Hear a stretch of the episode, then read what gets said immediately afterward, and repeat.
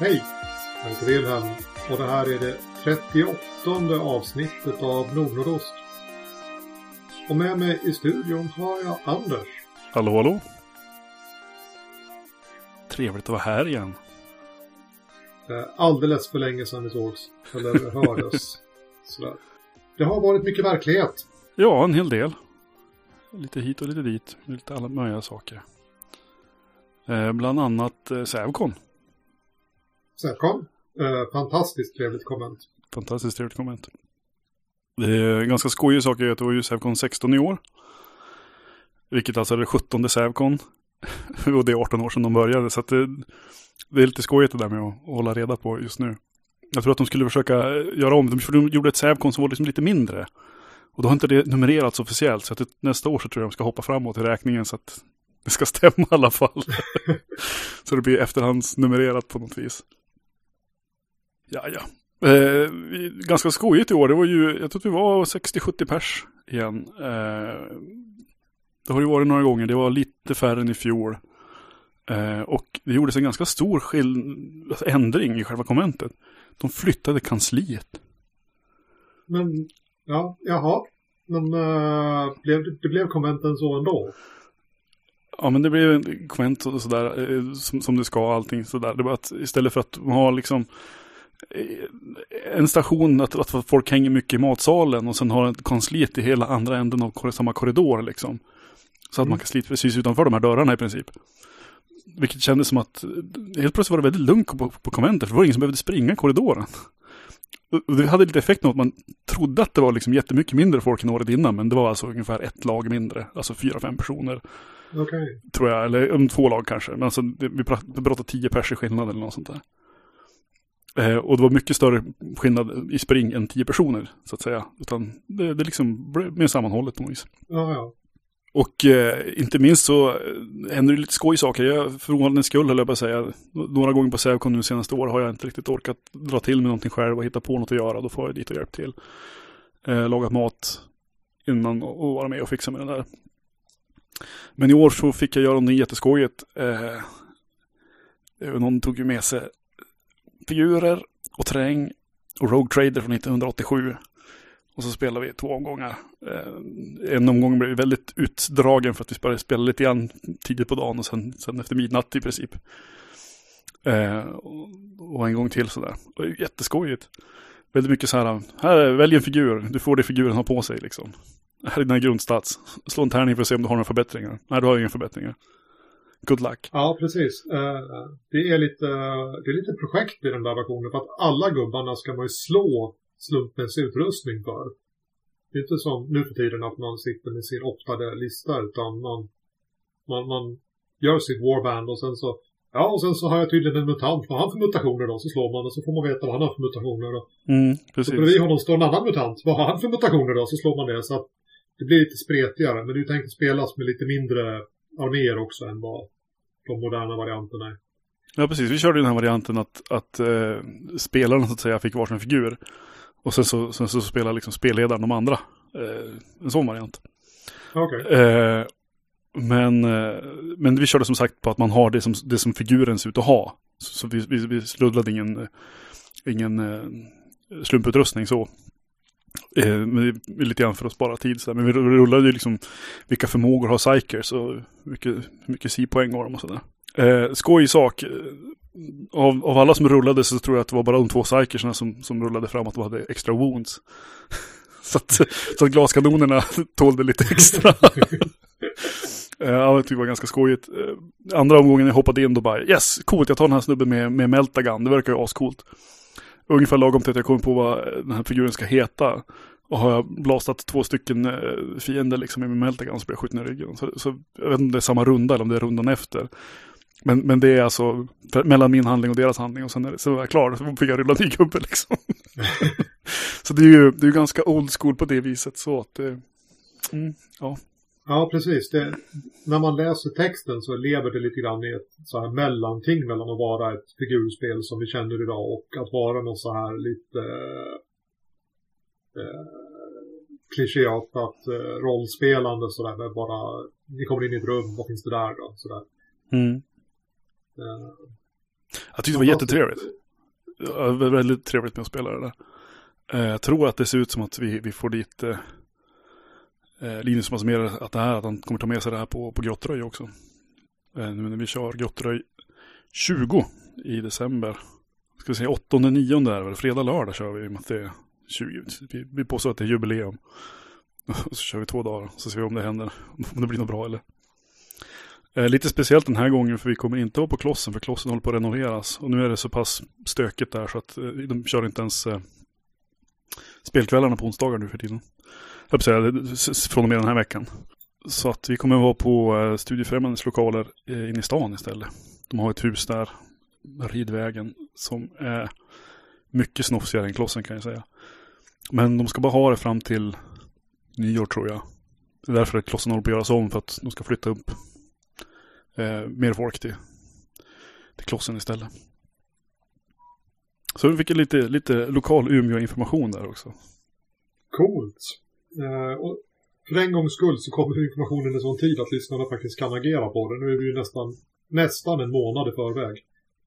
Ja, Även med, ja faktiskt. Även med redigering så. Ja, precis, precis. Eh, så man är välkommen om man vill eh, kolla in Grottröj. Det finns en blogg och så finns det, nej, det finns ett evenemang på Facebook om man vill söka reda på det där. Om man inte har hört om det tidigare så där, eller så får man peta på oss någonstans eller ropa i OSR-gruppen vi har på, på Facebook. Det är vi som är inte arrangörerna av Grottröj utan som där arrangörerna av Grottröj finns. Om vi säger så. ja, ja. Alltså jag sitter och tittar på våra fina anteckningar här. Ja. Framförallt mina fina anteckningar då. Mm. eh, och det, det är som, som, tre saker som segwayar in i vartannat liksom. Sådär. Eh, mm. li, li, lite, lite löst. Vilken är den, tre, vilken är den tredje grejen, eller jag säga? Uh, det, det? Ja, men alltså. Uh, att du har varit på konvent. Det är ju det som en konventsgrej. Ja, precis. Ja. Uh, och så är temat på dagens avsnitt att spelleda på konvent. Ja. Ja, det, det är ju en sån. Ja, och du har spelat ett, ett spel på konvent som vi ska prata om. Och jag har spelat ett spel på konvent. Vi ska prata om det. Mm. Uh, och, och de hör som ihop. Ja. och ni stackars lyssnare får då njuta av att avsnittet är spoilat nu då. Så får ni bara lyssna igenom och höra vad som sades. eh, men vi börjar med att presentera dagens tema. Då. Björn undrar om vi har några råd och tips om att spelleda på konvent. Och, och då fiskade jag, är det då liksom att vi ska hänga ut eh, katastrofala spelledare från konvent? Men det var inte primärt det han var ute efter, utan han ville ha tips och råd. Så det ska vi försöka ge lite grann. Och då tänker jag, men då blir det ju fantastiskt bra att prata om eh, när jag spelade på konvent. Eh, Snökon 2008. Som då är förtvivlat länge sedan. Då jag för första gången spelade någonting som någon annan hade gjort. Och liksom fick hela den här eh, konventspelledarupplevelsen. Eh, för innan hade jag spelat på lite andra konvent. Jag turnerade ju med höstdimma och sådär. Men då var det ju mina grejer så jag visste ju precis allting. Utan nu, nu kom jag som vind för våg och så var ja men jag kan spelleda någonting. Och de bara, ah, här har du ett äventyr och kör. Mm. Eh, och det var då Terje Nordins Ett hjärta av stål till Itras by. Och Itras by är vid det här laget ett ganska gammalt spel och vi pratar om det sådär lite grann och förväntar oss att folk ska känna till vad det är för någonting. Men vi går liksom, har liksom aldrig riktigt, riktigt hängett oss åt Itras by. Jag tänkte att vi kanske kan göra det. Det behövs nog. Uh, Itras by tror jag inte är så välkänt på det viset. Lite kort, ett, ett norskt spel som kommit ut på norska och på engelska. Och finska. Och finska och... Oho. Uh, jag, jag skulle vilja säga tyska, men jag vet inte om den tyska utgåvan faktiskt har hunnit ut ännu. Oj, vad roligt att höra att det finns fler sådär. Ja. Mm.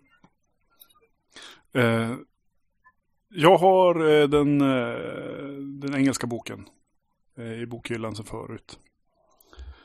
Eh, den norska har jag för mig varit eh, tillgänglig via, via nätbokhandlarna. Jag vet inte om det är så fortfarande. Nej, alltså den är slutsåld sedan sen länge. Mm. Så det har ju varit så, lite sådär att prata om Yttrasby. Därför att dels var det ett spel på norska. Och så var det ett slutsålt spel. Och då var det som lite, lite sådär lätt för de som blev peppar att skaffa det. Mm. Men nu eh, har de ganska nyligt, i fjol, för fjol, något sånt där, äntligen fått ut en översättning på engelska. Som jag inte har läst, men jag förmodar att den är fantastiskt bra. Och det är samma spel, fast på olika språk då. Så att jag sitter här med min norska bok i handen och du har den på engelska. Jag har 153 sidor i min. Eh, jag kan, jag kan eh, krångla mig bort till bokhyllan och kolla hur, hur lång min är ifall du vill.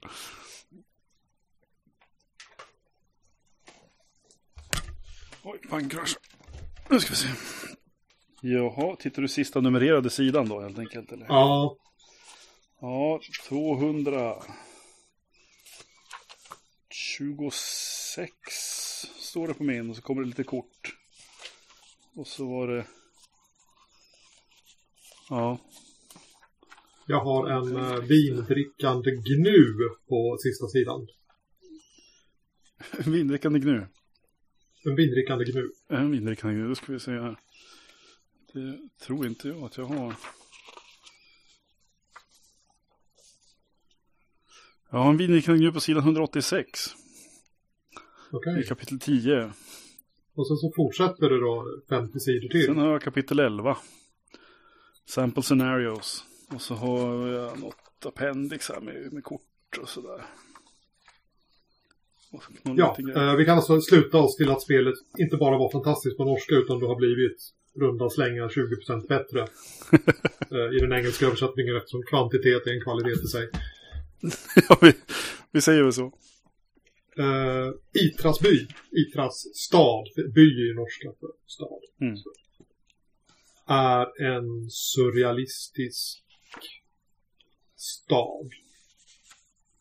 Där det är typ 1920-tal, men inte, inte riktigt 1920-tal. Det blandas ganska friskt mellan slutet av 1800-tal fram till nästan andra världskriget.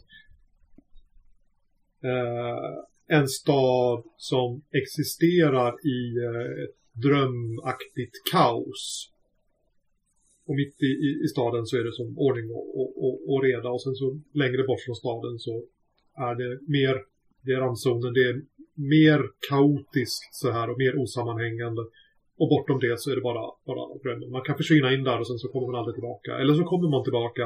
Eller så kommer det tillbaka någonting annat som ser ut som en själv eller något sånt där. Det är ganska eh, skrämmande egentligen. Så. Att saker och ting är inte fasta på det sätt som vi brukar se både på vår egen värld och på spelvärlden. Känner mig sugen på att dyka ner och dra någonting eh, konkret här ur, ur boken vi ska prata om på en gång. Ja. Eh, för det finns här i, i eh, ett av artiklarna så är det ju förslag på vad, vad kan ha hänt för de som har gett sig ut i, i liksom det här kaoset och kommit tillbaka. Och eh, en, bara en sån här skön liten detaljförslag på en liten punktlista här så står det liksom sista raden. Eh, de kan lyssna på samtal. Eh, tjuvlyssna på samtal genom att hålla i telefontrådarna. En sån här märklig förmåga man bara kommer hem och har helt plötsligt. Och såna här lite andra sådana här saker. En, eh, ett åttahuddigt R eh, i, eh, i nacken. Kanske eh, från någon typ av parasit. Och du pratar om boken vi ska prata om. Ja, precis. Eh, Nu, Eftersom det är då sponsrat innehåll. Eh, men hit, fram, fram till nu så har du pratat om Itras by som är grundspelet då. Som Precis. var själv, självstående och fristående och var liksom sådär. Och nu har det då i år kommit en expansion. Ett mastodontsupplement vid namn Itras by Menagerie. Eh, som vi egentligen ska prata om då.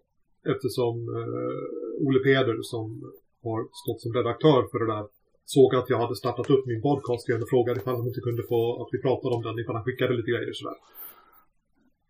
jag kan säga att jag pratar frivilligt för jag, jag har redan skaffat boken fysiskt. Ja, det var, det var ju väldigt tråkigt att du hade gjort det nu när vi då fick, eh, när fick fri exemplar här. Ja, nej, det gör ingenting alls. Eh, Jag pratar gärna om det här.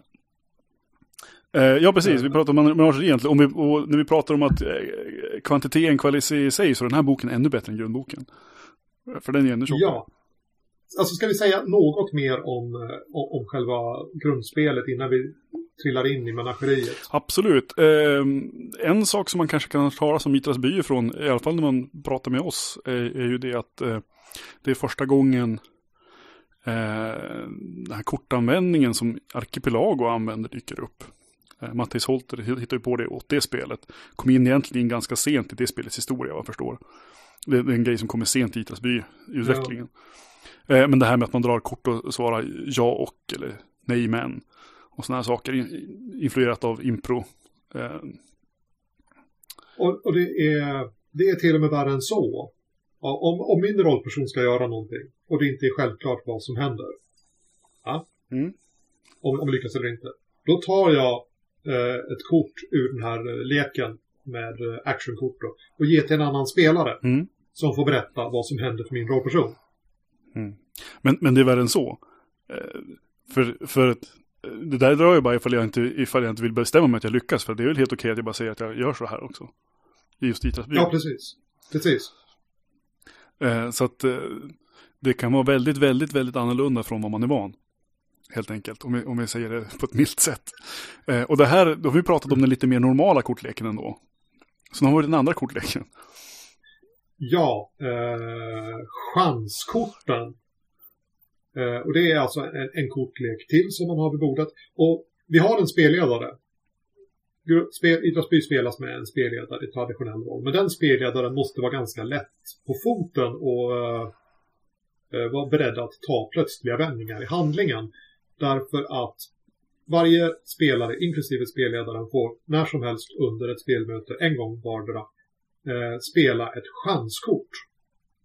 Och eh, jag har mina norska sådana här eh, chanskort här. Jag ska inte försöka läsa norska. För även om norrmän kan göra ganska övertygande svenska så kan inte jag göra en övertygande norska. Men till exempel det här chanskortet. Spola framåt. Det har gått tre timmar sedan ni var där ni var sist innan ni drog kortet. Berätta vilket skick de andra är i. Du får inte säga något om vad som har skett, för det kommer ni att lista ut tillsammans genom improvisation. Eh, då sitter man då som spelledare och man liksom, ja, har någon sorts händelse på gång. Och så kan någon spelare dra ett chanskort och så visar det sig att det är det här. Och då plötsligt så klipper man tre timmar in i framtiden i äventyret. Mm. Och den spelaren får beskriva hur de andra rollpersonerna ser ut om man då hade ett väldigt välplanerat äventyr så kan fötterna slås undan lite grann under fötterna. Man var på väg att bryta sig in i, i, eh, i banken, men sen plötsligt så sitter man där på en bar i burleskkläder och en av dem blir, blir skjuten liksom. Ja, precis. Så att det är verkligen ett, eh, ett samberättarspel. Det finns en spelledare, det finns rollpersoner, det finns spelare. Men... Det finns väl chanskort som gör att man ska ja. skicka vidare sina roller också, inklusive spelledarrollen. Ja, precis. Man, man, byter, man byter stol runt bordet och så att spelaren till vänster om spelledaren blir ny spelledare och spelaren, spelledaren får ta över en rollperson. Mm. Och alla de här korten gör att det bidrar till den här ganska surrealistiska, konstiga, lite eh, formlösa berättelsen som Yttrasby gärna leder till. Mm. Eh, ett fantastiskt eh, trevligt spel eh, som ni genast måste gå iväg och köpa flera exemplar. Absolut. Uh, men, men, men om man då är väldigt tveksam och tänker att ja, men måste veta ännu lite mer innan jag hyvlar kortet och skaffar vare sig Yttrasby eller Menageriet. Så finns det en Facebookgrupp för Yttrasby. Och i den så finns det här äventyret som jag spelade. Ett hjärta av stål. Och det innehåller en liten sammanfattning för de som då till äventyrs inte hade spelat i Trasby tidigare. Så att vill man som provsmaka lite försiktigt så kan man eh, skaffa det där äventyret och titta mm. på det. Men, eh, nog om det. Jag tycker vi ska prata om menageriet. Mm.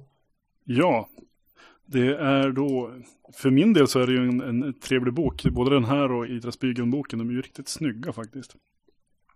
Och min bok har en eh, kapybara kapibara med hatt på baksidan. Och kapibaras med hatt är ju till äventyrs ett av, ett av eh, avsnittens eh, rubrik också. Mer än så tänkte jag inte säga om det. Ja. Eh, ska vi prata lite grann om själva menageriet här? Alltså vad, vad är det för någonting? Eh, Olle Peder är redaktör och med sig har han eh, 20-30 stycken Eh, författare, spelmakare och konstnärer och konstiga människor. Eh, och fantastiska människor som har eh, fått göra små artiklar. Vad ska jag säga? Jag, skulle, jag höll på att säga spretigt, men, men det är Ytras by. Det, det, det, upplevs inte som spretigt, utan det är bara liksom aspekter av, av någonting väldigt, väldigt stort. Helt enkelt. Um, jag kände att jag höll på att hoppa rakt in och börja prata om favoritdelar på en gång nu, men, men som sagt, en, samling artiklar, väldigt, väldigt, väldigt olika bitar av det. En del är konkret spelmaterial, en del är jättemeta, pratar om tekniker mycket mer till exempel, eller hur man kan göra här. En annan, en artikel pratar om, om att använda props, eller, eller alltså klä sig och sådana saker. Jag, jag, tycker det är fantastiskt festligt att de har varit och fotograferat på ett live där de spelar i Trasby. Och folk har då klätt ut sig till surrealistiska figurer. Uh, och det är lite kort i, uh, i boken där man kan se hur det ser ut. Ett tips om hur man hittar kläder som är surrealistiska. En väldigt fin bild med uh, fyra personer som möts gående på en gata. en av dem har vingar. när, när jag fick den här boken och läste igenom den så fick jag som känslan att det här var ett ett, ett fanzine som jag plötsligt hade fått liksom hela utgivningen av.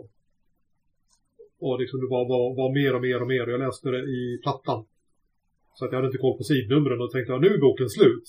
Men då var det bara del ett av boken och så var det en del till och så var det en del till och så. Att det var det är otroligt mastigt och eh, många små eh, spännande artiklar. Jag är uppdelat i fem delar och så ett appendix. Och en introduktions eh, med två kapitel, så två delar. Eh, det, är, alltså det är jättematigt. Verkligen. Nu tänker jag kliva på gaspedalen här och säga att eh, första delen börjar med en introduktion. Eh, första biten där är är som en sorts förord av Emily Careboss.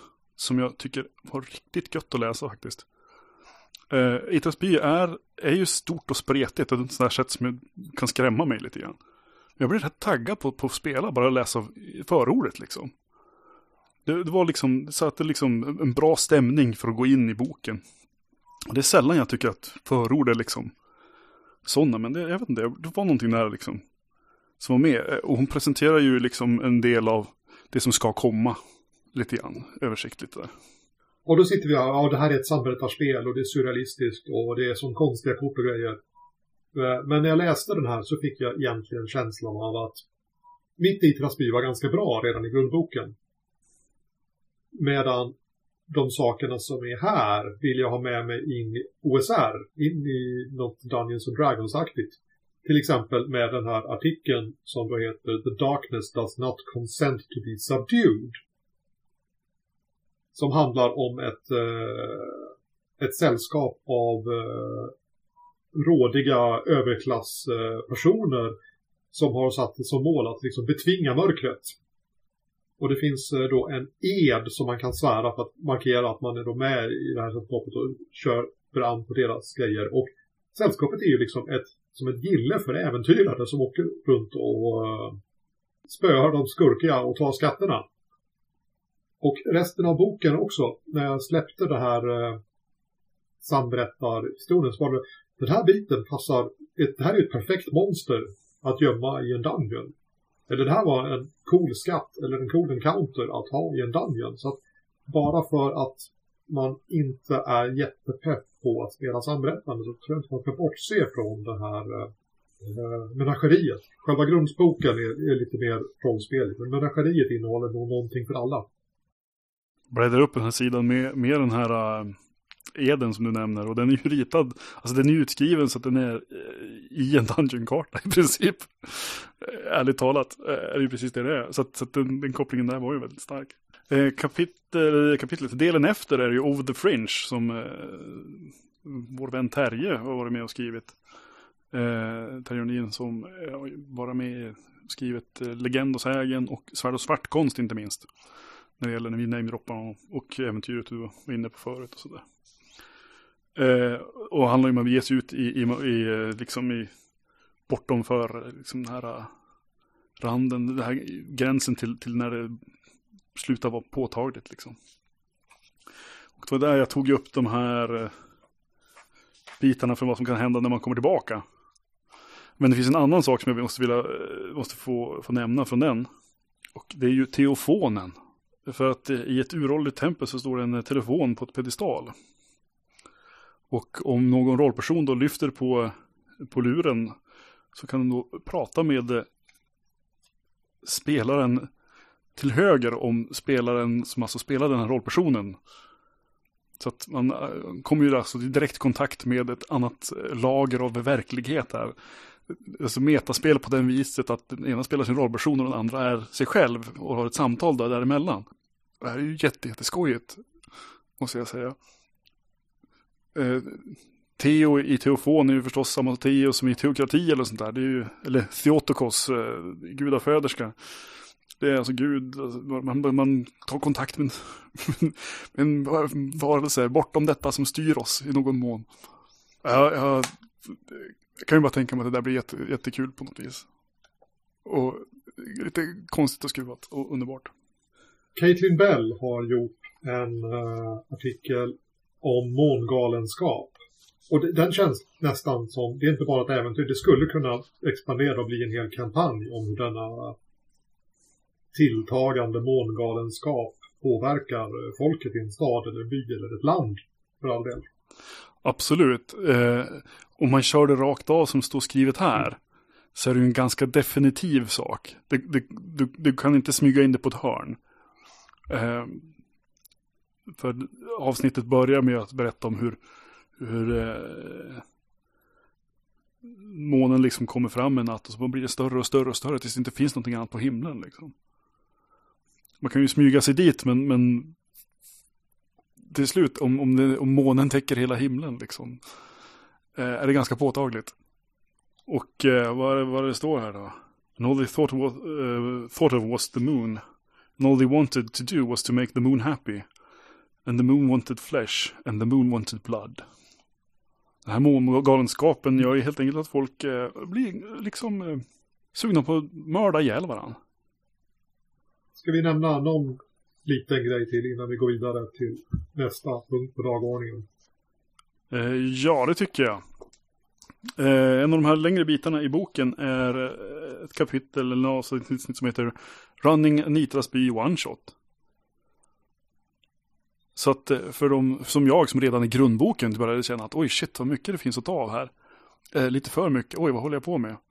Eh, då finns det liksom en ganska handfast eh, vägledning till, jag tycker du kan göra så här när du gör en, en one shot med exempel hela tiden hur han utvecklar det här äventyret. Det, det, det är ett väldigt, väldigt, väldigt bra kapitel att ha. Du satt så det länge, det var inte alls så långt. Det var som jag bläddrar konstigt på något vis. Ja, sådär. Ja, jag blandar ihop det där lite grann. Sak samma. Det här äventyret, Ett hjärta av stål, är ju är fantastiskt trevligt och är bra. Så att, jag tycker att alla ska spela i Trasby under det kommande året. Mm. Minst en gång. För att det är enormt bra. Enormt genomarbetat och fullt av sprudlande idéer och konstiga uppdrag. Och det var, då har vi pratat om eh, om Itrasby, eh, menageriet och mitt första konvent att spela och ditt eh, konvent som du var på nu då. Eh, men vi har en sak kvar på dagordningen och det är eh, vårt lyssnarbrev. Ja. Från Björn som undrar eh, hur eh, eh, tänkte jag skulle öppna själva själva frågan här. Ja, Björn skriver följande den 9 oktober. Det är ett tag sedan då. Jag har förslag på ämne, kolon, att spelleda på konvent. Ja. ja, det var klart det. Precis, och det skulle inte handla om att hänga ut eh, dåliga spelledare eller något sånt där, utan, utan tips och, och små grejer som kan vara fiffiga att tänka på. Ja, och alltså det, det här, jag har gått runt och funderat sen jag fick den här frågan och funderat och insett att det är ju egentligen, det skulle gå att ha en hel podcast på detta ämne. Alltså inte bara ett avsnitt där vi, vi touchar på det, utan För att det är ett enormt stort ämne. Ja, absolut. Eh, men om, om, om, om, vi börjar i det absolut det minsta, det minsta eh, lilla grejen. Eh, vi tänker oss att vi är på, på konvent. Vi spelar inte vår egen grej utan vi har fått ett äventyr som någon annan har skrivit. Eh, vi får träffa en grupp som vi aldrig har spelat med förut. Och, och vi ska eh, vara underhållare här i fyra fem timmar. Var börjar man? Eh, ett hett tips är att läsa igenom äventyret. Kolla så att man förstår. Eh, kanske rita ett litet eh, flödesschema av hur, hur det hänger ihop egentligen. Så att man, man förstår alla, alla stegen. För att om rollpersonerna springer iväg på något, något sidospår så kan det vara bra att veta vad som skulle ha hänt egentligen så att man kan styra in dem på handlingen på nytt. Gud, vilket bra råd. Ja, vet du, jag, jag sitter och tänker på det här och inser att jag, jag, jag tror aldrig jag har, jag har aldrig gjort det där. Jag har aldrig, aldrig gått till konvent och fått ett, spel, ett så här äventyr i handen som jag inte har spelat förut. Jag har lyckats undvika det till 100 procent tror jag. Du har spelat Höstdimma. Jag har spelat Höstdimma. Jag har alltid spelat med dig först.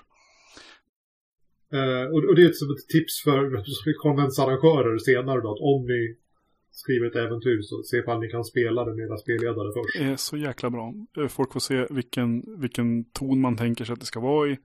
Eh, man har, eh, man har minnet av hur det var när man spelar själv, när man sitter och läser och om det, om det är oklart hur det, hur det är skrivet liksom. Så har du ändå med dig din upplevelse att gå tillbaka till. Ja, just det, det var så där vi gjorde där, sen var det där. Ja, men just det, då kan du direkt improvisera från hur det gick när ni spelade det. Ifall du hamnar i ett sånt där läge, till exempel.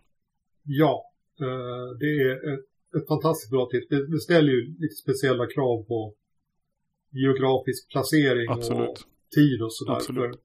för, för arrangören och för spelledarna. Men det är, det är fantastiskt värdefullt om det går Mm. att lösa. Enda gången jag hoppade in och spelat någonting på, på Gothcon, sådär panikartat, eh, var ett äventyr till Skymningshem, Andra Imperiet, och hade jag spelat det dagen innan. Som Ja, men det är lite samma sak. Då har man i alla fall sett någon spelledare förut. Precis. Det, det, så det, det är också tacksamt, men det är ju det är ju det är mer av en slump att det funkar. Du, du, jag tackar ja för att jag hade spelat det. Eh, Och för att det var någon jag kände som frågade, In- inte för att jag, jag kände mig jättepeppad för att gå och spela någonting okänt liksom, utan ja. jag hade inte gått och spelat det utan att, utan att veta vad det var liksom. för många år sedan så skulle Elin spelleda Call of Cthulhu tror jag det var på, på Gothcon. Och då var det en så här otroligt driftig arrangör som skickade ut äventyret så långt i förväg att hon hann spelade med oss först. Så jag fick då spela årets Gothcon-äventyr före Gothcon. Så att hon skulle ha liksom Mhm. fått prova, prova, prova på alla situationerna och scenerna först med, med en grupp som hon känner då. Mm. Som, Det är ju också väldigt tacksamt, måste man ju säga. Det är ju ambitiöst, höll jag på att säga också. Och man ska väl känna sig lycklig som arrangör ifall man har spelledare som engagerar sig på det viset. Ja, jo, det, det kanske inte alla som är förunnat att ha så fantastiska vänner. Men förhoppningsvis så är man ju på konventet för att spelleda ett spel som man tycker är skoj. Och man har kanske en spelgrupp hemma som också tycker att det är skoj Ja, precis. Så att man, man, man kan övertyga dem om att ja, men, vi, vi kör det här äventyret. Vi åker inte ner på Gothcon och spelar det här. Eller på vilket konvent det skulle vara. Utan vi kör det hemma och så gör vi andra saker när vi är där. Jag svarar lite kort i telefon här bara. Det morsan som ringde. The Parbitter spacecraft is programmed to circle Venus every 24 hours. Make it possible for scientists to go back in time, go back in time, go back in time.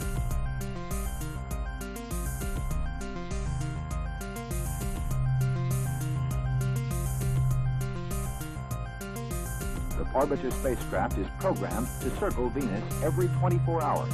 Make it possible for scientists to go back in time. On to Saturn. Make it possible for scientists to go back in time. A remote sensing spacecraft collected data for 99 days. Make it possible for scientists to go back in time. The Voyagers continued their journey toward Jupiter and Saturn. Make it possible for scientists to go back in time. Go back in time. Go back in time.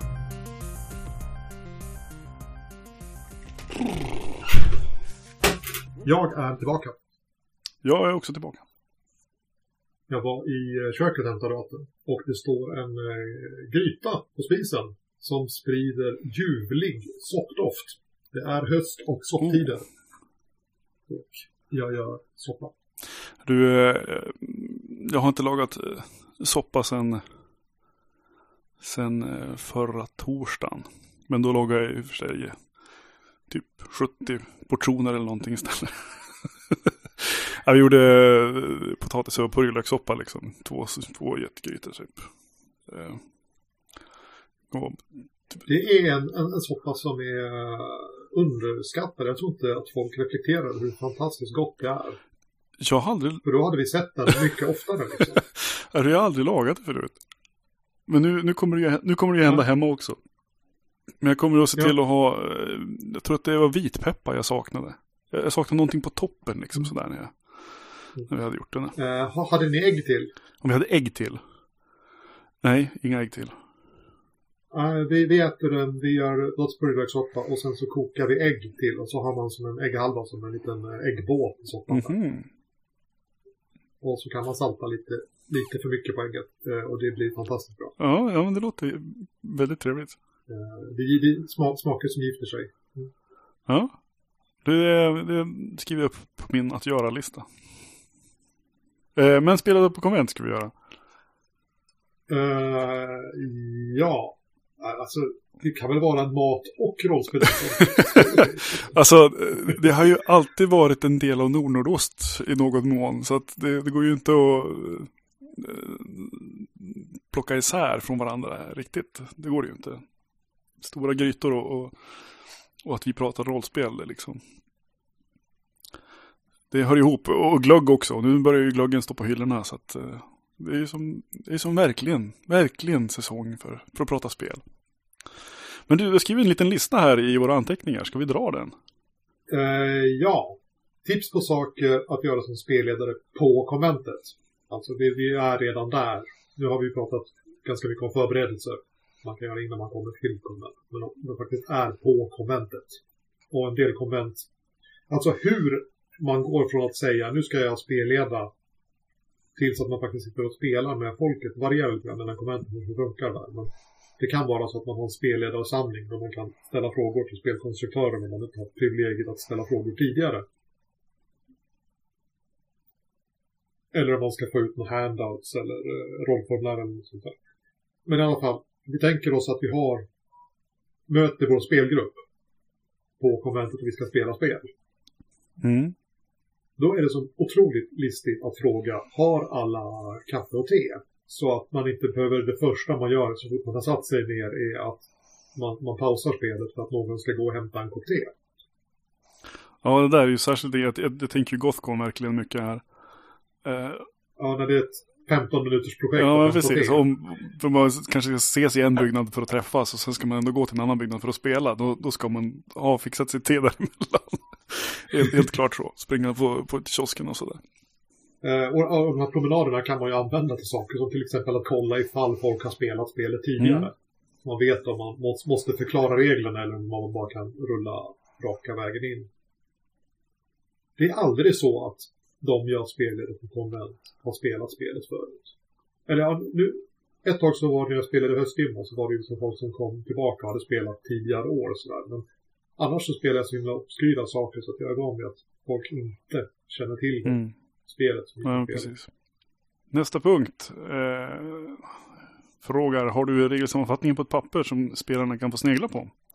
Så får du bonuspoäng för det. Det kan vara väldigt tacksamt ibland för att när man sitter och förklarar, ibland, ibland så är, hjälper det verkligen att få titta på, på någonting. Du är lite olika som personer och sådär. Dessutom, eh, så att en liten regelsammanfattning och, och, tjuvkika på någon gång ibland eller i början kan vara väldigt eh, snitsigt att ha. Eh, även för dig som spelledare själv så att du kan påminna dig ifall det är ett spel du inte är jättebekant med sedan tidigare. Uh, ja.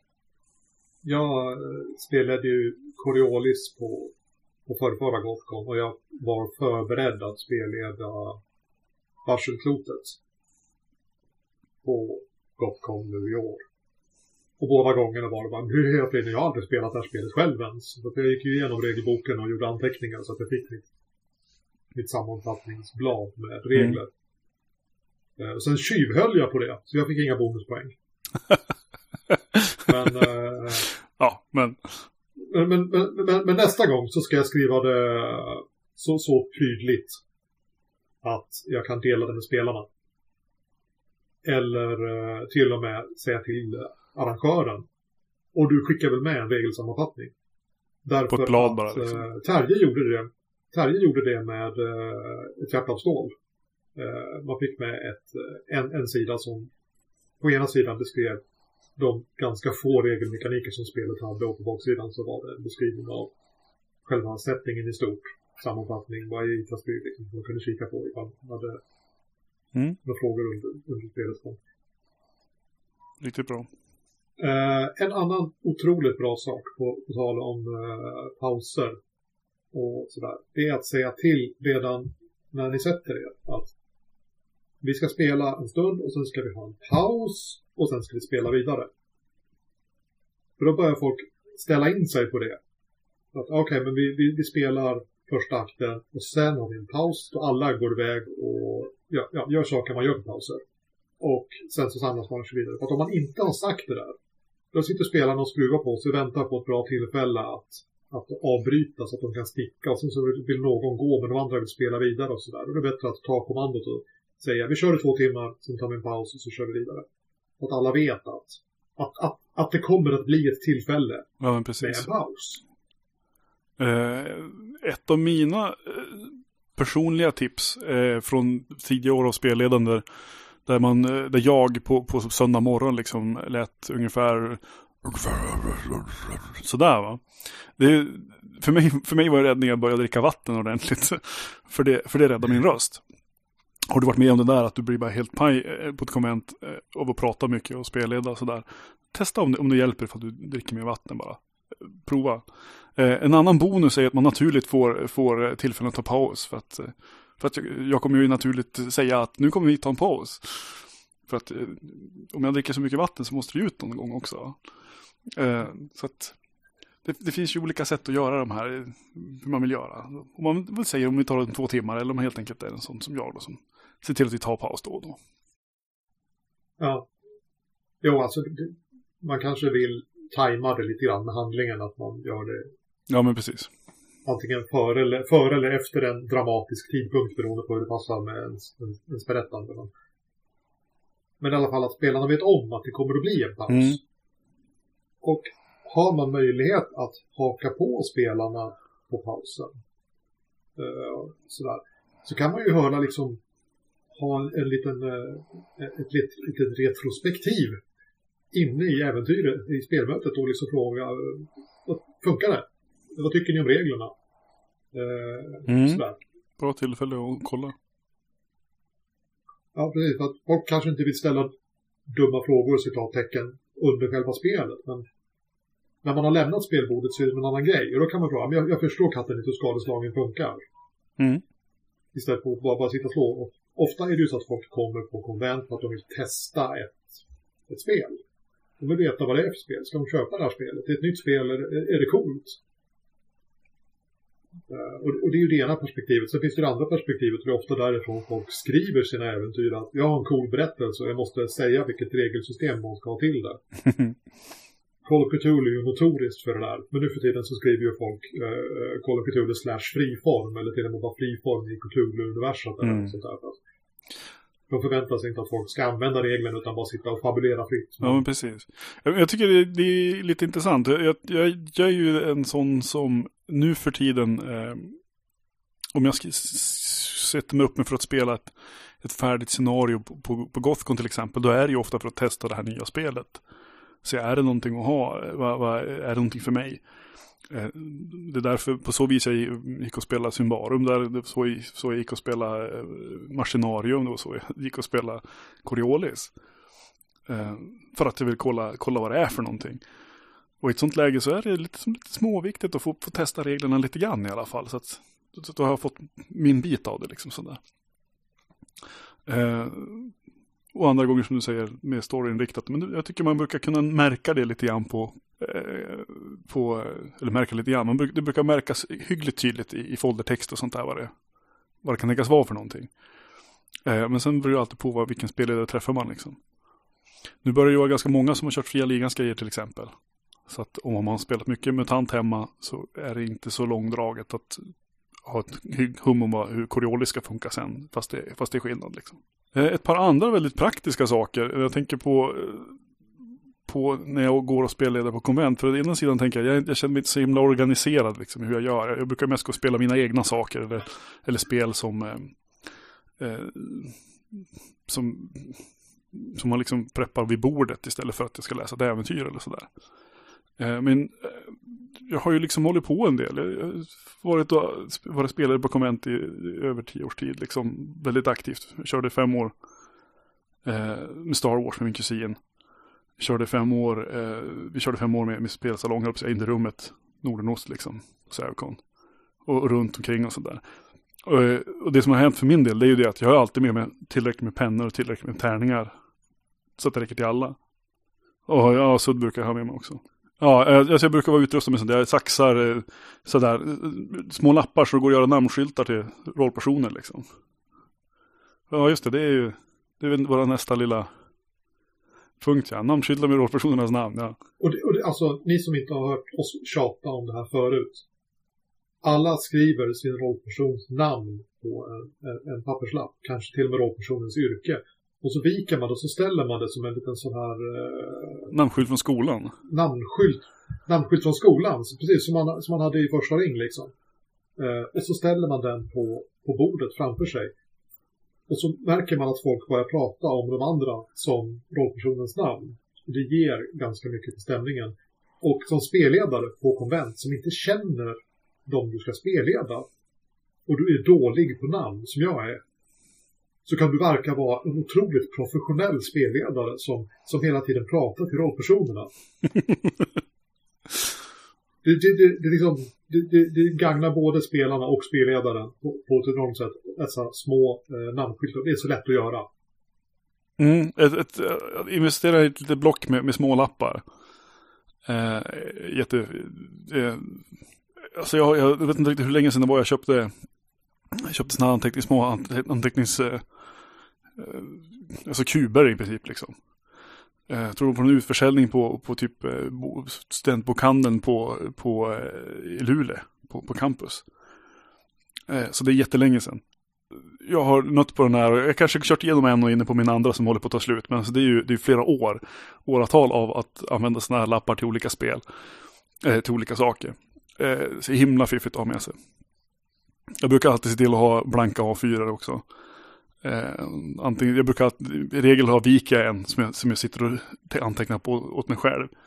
Och tar det slut på ena sidan, ja men då är det ta en annan sida. Men ofta så, så, ofta så har jag bara en A5 med den här spelomgången. Sen brukar jag ta andra sidan till nästa grupp ifall det är så. På den brukar jag ofta göra en sån så att jag ritar själva bordet och skriver moi, där jag sitter. är jag inte spelledare skriver jag SL där. Och så brukar jag skriva upp rollpersonsnamnen runt bordet så att liksom vart, vart de faktiskt sitter också. Eh, det är bara en grej som jag brukar ha blivit på något vis. Um, och ibland då, eh, särskilt bra ifall man inte har den där namnlamparna ute. För att titta ner på den där och direkt kunna tilltala rollen liksom eller sådär. Uh, så, det, det, så det beror lite grann på vad, vad har ditt spel för fysiska krav liksom. Uh, är det ett spel som blir mycket bättre för att du har pluppar till poängen? Ja, men ha med dig pluppar då. Man kan liksom se till att ha sitt kit tycker jag. Det, det, det är en bra grej. Ja, och eh, förutsett att spelarna har glömt allting hemma. Mm. Det, och, och, och, här, eloge till fria ligan. Eh, kommer man och ska spelleda åt dem så frågar de, behöver du tärningar? Och då har de som lånetärningar, de har lånepluppar, de har låne, ta tusan allt. Då är det lätt som spelledare. Eh, om man, att, att vara ny som spelledare om man inte har köpt fem uppsättningar tärningar utan det är liksom bara glida in Ja, det, det, det, det, är bra att ja, det är både bra, det är både bra att, att underlätta logistiken och det är ju smart av dem att se till att deras grejer syns. För att som sagt, jag går dit för, ja. om jag går dit och spelar ett fria då vill jag ju kolla på, kolla på grejen liksom. Ja, då, då tycker jag absolut att det ska vara deras, deras tryckta formulär och deras tärningar. Och, ja, alltså sådär va. Så, så det, de gör helt rätt. Och vi har pratat ganska mycket om, om, om alltså det här är ju, det här är ju scenariot som jag, jag tror att de flesta som börjar spelleda på ett lite mindre konvent gör. Man har spelat någonting hemma med sina polare och så kommer konventsgeneralen och frågar runt. Alltså, vi, vi, vi ska ha ett konvent. Kan inte du komma och spelleda någonting? Och man bara, det kan jag väl göra. Jag kan ta något äventyr som jag spelat med mina, mm. mina polare. Och så plötsligt ska man spelleda samma sak en gång till. Men det är, det är andra människor som ska spela. Det är inte den vanliga spelgruppen. Så det är någonting man själv kan. Man kan reglerna, man kan äventyret. Så man har spelat det här en gång. Man är redan förberedd. Men man känner inte människorna som ska spela det. Mm. Man tänker att vi kan lite tipsa lite grann om, om saker. Hur man tar sitt, sitt gamla äventyr och gör det till ett konventsäventyr. Det är ju samma sak, men inte riktigt samma sak. Eh, till exempel så har, när man spelar med polarna och tiden tar slut, så säger man då fortsätter vi på torsdag. Men är man på konvent så har man fått en tidlucka och den är kanske fyra eller fem timmar. Och tusan, man måste hinna klart på den här tiden. Mm. Och det är inte så bara, det är... Man tänker inte på hur tiden går när man sitter hemma och spelar på, på samma sätt som på, på konvent när klockan tickar. Liksom. Så att mitt tips är att förbereda, om du ska spela någonting som har fyra timmar, förbered ett äventyr som går att spela på tre timmar. Och har du fem timmar på dig, skriv ett äventyr som går att spela på tre timmar. Därför att tid försvinner magiskt. Det är som en tidstjuv som flyttar klockan framåt när man tittar bort. Och dessutom ska ni ha en paus, glöm inte bort det. Mitt i passet ska ni ha en paus, köpa Precis, kaffe. och sen kommer någon på att oj shit, den här eh, butiken kommer ju stänga för att det är ju natt snart för vi spelar ett sent pass. Och vips så ska folk gå och handla eh, rollspelsböcker i 20 minuter extra och så, ja, hur det nu kan vara. Ja. Gör ett äventyr som är för kort. Klipp bort saker. Sen så går det ju att klippa smart. Eh, många av de här hösttimma-äventyren som, som jag skrev, de hade som en, en, en kedja med händelser. Men vissa av händelserna låg liksom i en liten slinga utanför. Så hade man gott om tid så kunde man gå den där lilla slingan. Annars eh, så var kungen redan där och väntade på en när man kom. Man behövde inte leta rätt på honom. Mm. Eh, så, alltså saker som man, ha, ha, har det gått för fort så kan man köra den där lilla slingan med en liten, ett litet, inte ett villospår, men en liten utökning. Man får prova på lite mer av den där situationen. Den där scenen som fanns med i Directors Cut. Att man lägger de sakerna bredvid och de är inte nödvändiga, men de är roliga om man hinner med dem. Och att man gör den, den tanken redan man gör den tanken redan när man sitter på kammaren. Så att man inte behöver fort improvisera. Oj, herregud, bara 15 minuter kvar. Hur, hur ska jag knyta ihop det här äventyret? Mm. Hela världen sprängs. Ja, hela världen sprängs. Jag har spelat på tok för många sådana äventyr. Uh, men, men vi lovade att vi inte skulle hänga ut spelledare här, så vi går vidare.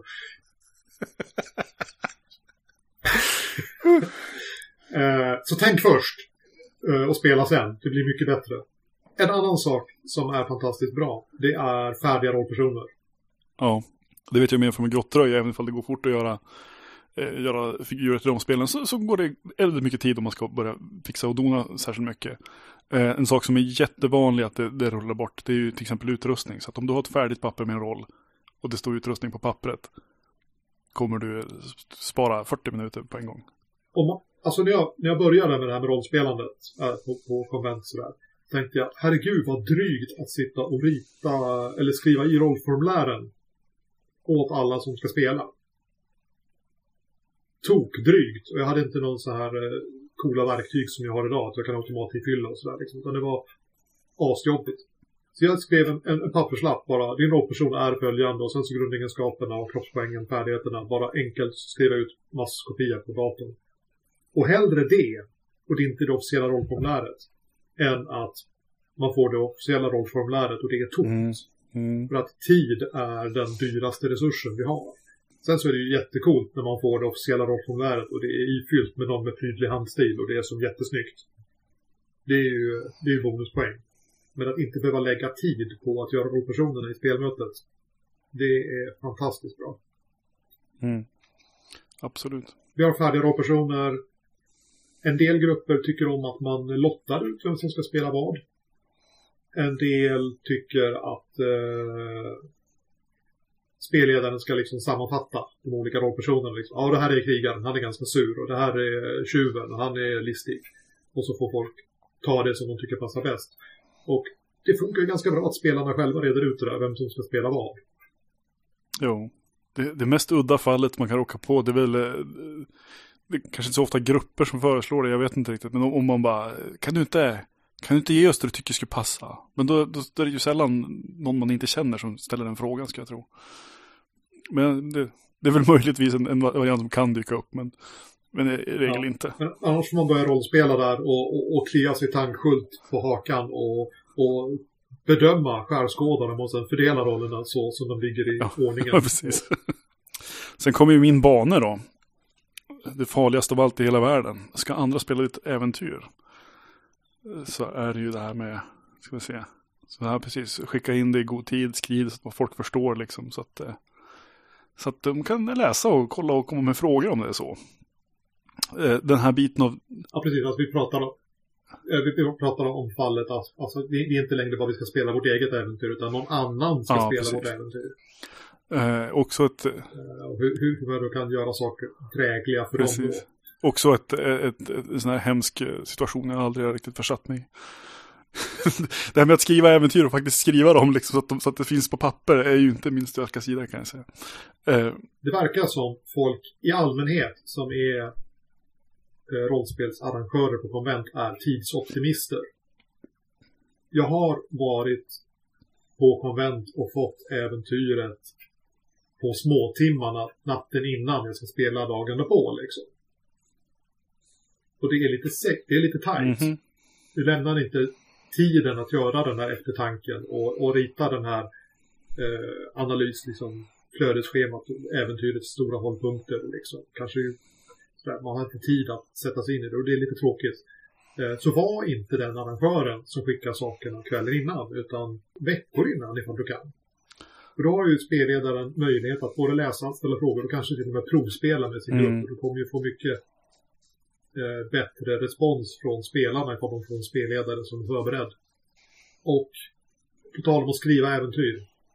Mm. Alla bra eh, eh, filmer och sådär. De börjar ju med en ganska lugn sekvens där man får liksom se vem hjälten är och sen så träffar hjälten en skäggig karl på en bar. Eh, och så sitter de och gafflar lite grann om priset innan hjälten ger sig ut på uppdraget. Eh, eh, typ Sagan om ringen är sån. Uh, ja. Grovt sett. Om, ja. om, om vi bortser från födelsedagskalaset. Ja, Gandalf kommer och liksom. Ja, ah, cool ring. Du borde gå ut och questa liksom. Eh, men det är också det enda fallet. Tolken har gjort den grejen. Gör inte det du också, för du är inte lika bra som Tolken på att göra äventyr.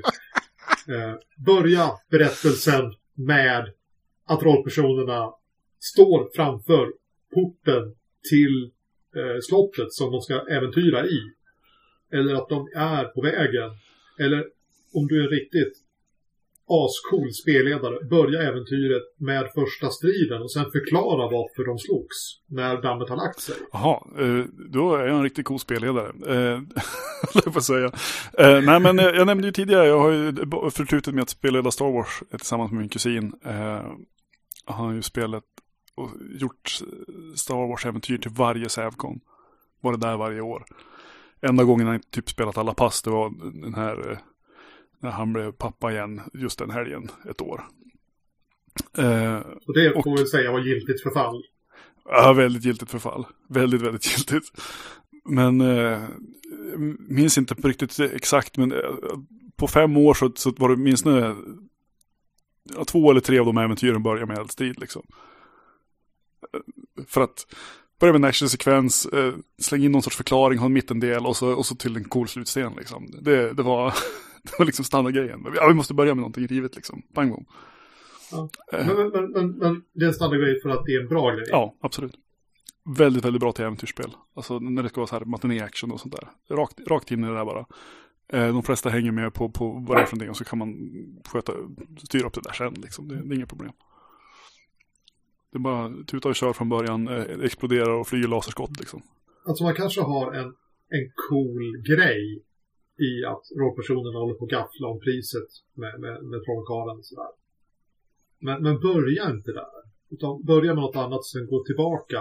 Så att rollpersonerna får känslan av att de faktiskt köpte det här och gick ut på äventyret. Så att spelarna inte behöver tveka.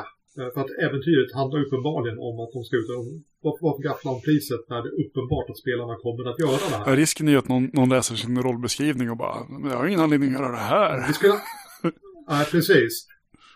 Jag har fått sådana äventyr. Där, där spelarna, eller spelarna, spelarna har naturligtvis ett, ett, ett mål med att ge sig in i äventyret för de vill prova spelet eller har en cool berättelse.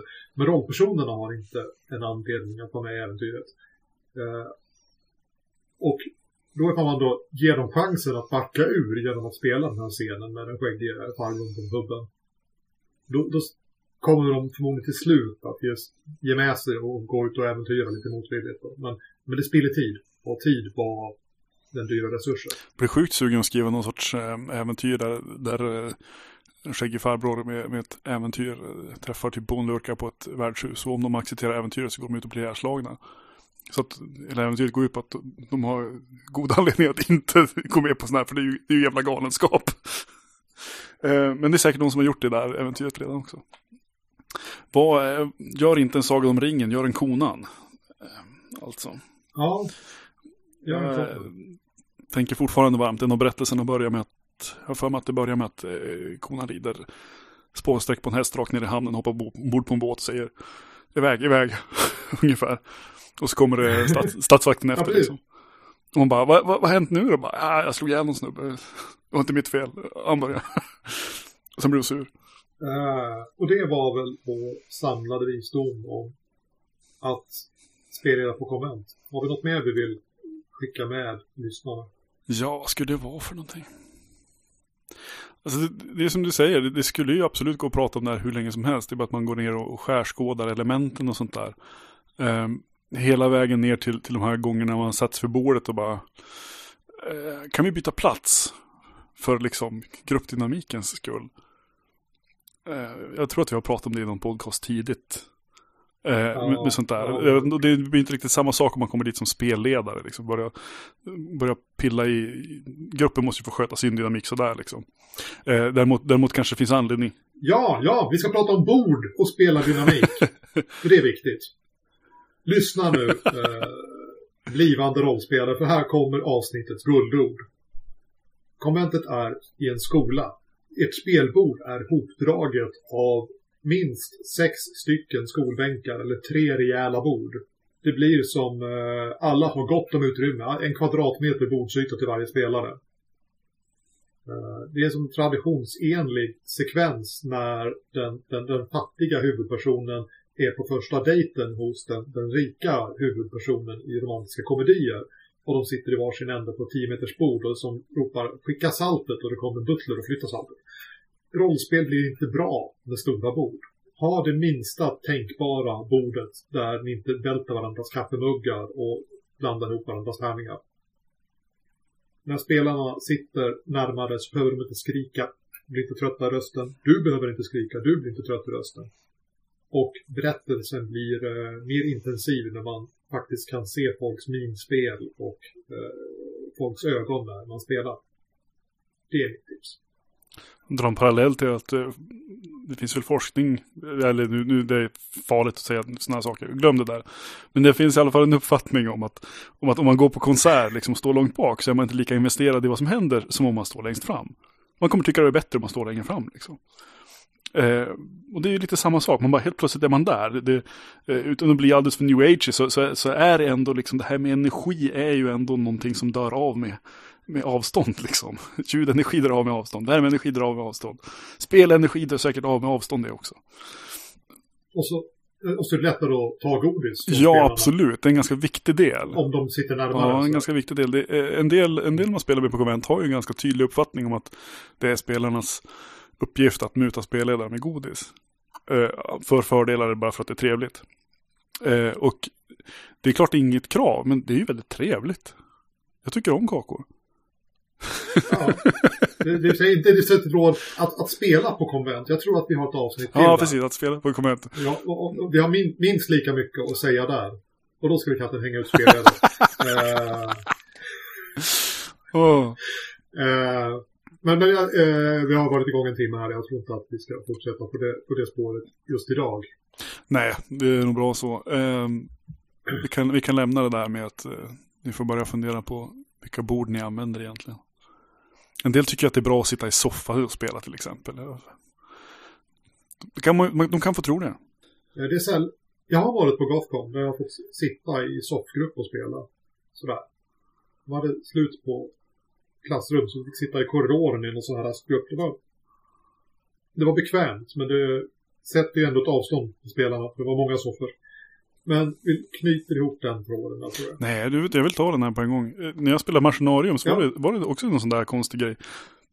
Jag för mig att vi satt i en, en halvrund, någon sorts, det, det var mer bänk än soffa tror jag. Jag för mig att det var halvrund eller något sånt där. Och när jag tänker tillbaka där så tror jag att det var ett runt bord också. Det här slutar med att eh, spelledaren sitter, tror jag, på en stol på ena sidan av det runda bordet. Och alla vi spelarna är typ samlade på samma sida, samma del av den här halvcirkeln. Eh, Inte utspridda liksom så att det är jämn fördelning på platsen eller något sånt där. Utan ganska tätt egentligen.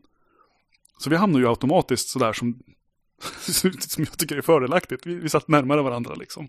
Eh, än, än vi hade behövt göra jämte vilken plats vi hade. Så att eh, det följde, följde ju det här rådet eh, redan då. Och trots att det var i, en sån annan lite speciell miljö liksom. Nej, nu får det vara bra. Du, du kan få börja köra musiken medan jag säger att jag har varit och köpt eh, Wrath of a Shardalon. Så jag har ännu mer sådana plastgubbar, så D&D minis typ. Kan måla upp några stycken så ser man kan köra någon sorts fantasyversion av det här Rogue Trader ungefär. Tror det kan bli kul. Ja, jag tror det kan bli, det borde vara skoj, men jag har inte riktigt listat ut hur man ska, vad och hur någonting sånt där. Ja, ja. I förra avsnittet så pitchade vi en sån här eh, relief bundle på Ja, drive just precis, precis. man, man kunde köpa massor med spel billigt och så kunde man liksom stötta de stackars stormdrabbade människorna i Puerto Rico. Eh, och jag har fått ett mail från Humsa som sa att eh, tillsammans så lyckades rollspelarna i, i, i den här driven lyfta 16 000 dollar 648 och 75 cent. Jag vet inte vad det blir i riktiga pengar, men det är lite drygt 100 000 och det är väl det är väl schysst Mm. tycker jag. Eh, tack så mycket till er som var med och bidrog till det. Och nu kommer musiken och så, så mycket dramatiskt. Ja, det blir super. Men eh, att vara spelledare, spelare på Comment, är det, är det nästa då? Ska vi ha något biämne till det också kanske? Ja, jag vet, jag vet inte vad vi kan prata en timme om att vara spelare. Nej, men om vi drygar ut det med lite soppa. Det om vi gör varsin eh, potatis och purjolökssoppa. recension. Ja, men vi gör varsin potatis och purjolökssoppa och pratar vad vi, vad vi smaksatte den med. Jag vet inte, vad, vad har man lagerblad till egentligen? Är det någonting att ha i? Jag vet inte, vad smakar de egentligen? I potatis, i, i, i potatis och purjolökssoppa. Ja, det hade nog Jag, funkat. jag, jag har ingen koll på, jag, jag, jag vet att jag, jag har slängt i dem, men jag kommer inte ihåg, jag vet inte vad de smakar för sig liksom. Så. Vad, vad, vad tillför de? Lite, lite, lite, lite beska sådär. Ja. Det, kan, det, det, är- det jag rädd för min purjolökssoppa är att den blir lite platt liksom. Så det kanske inte är så dumt.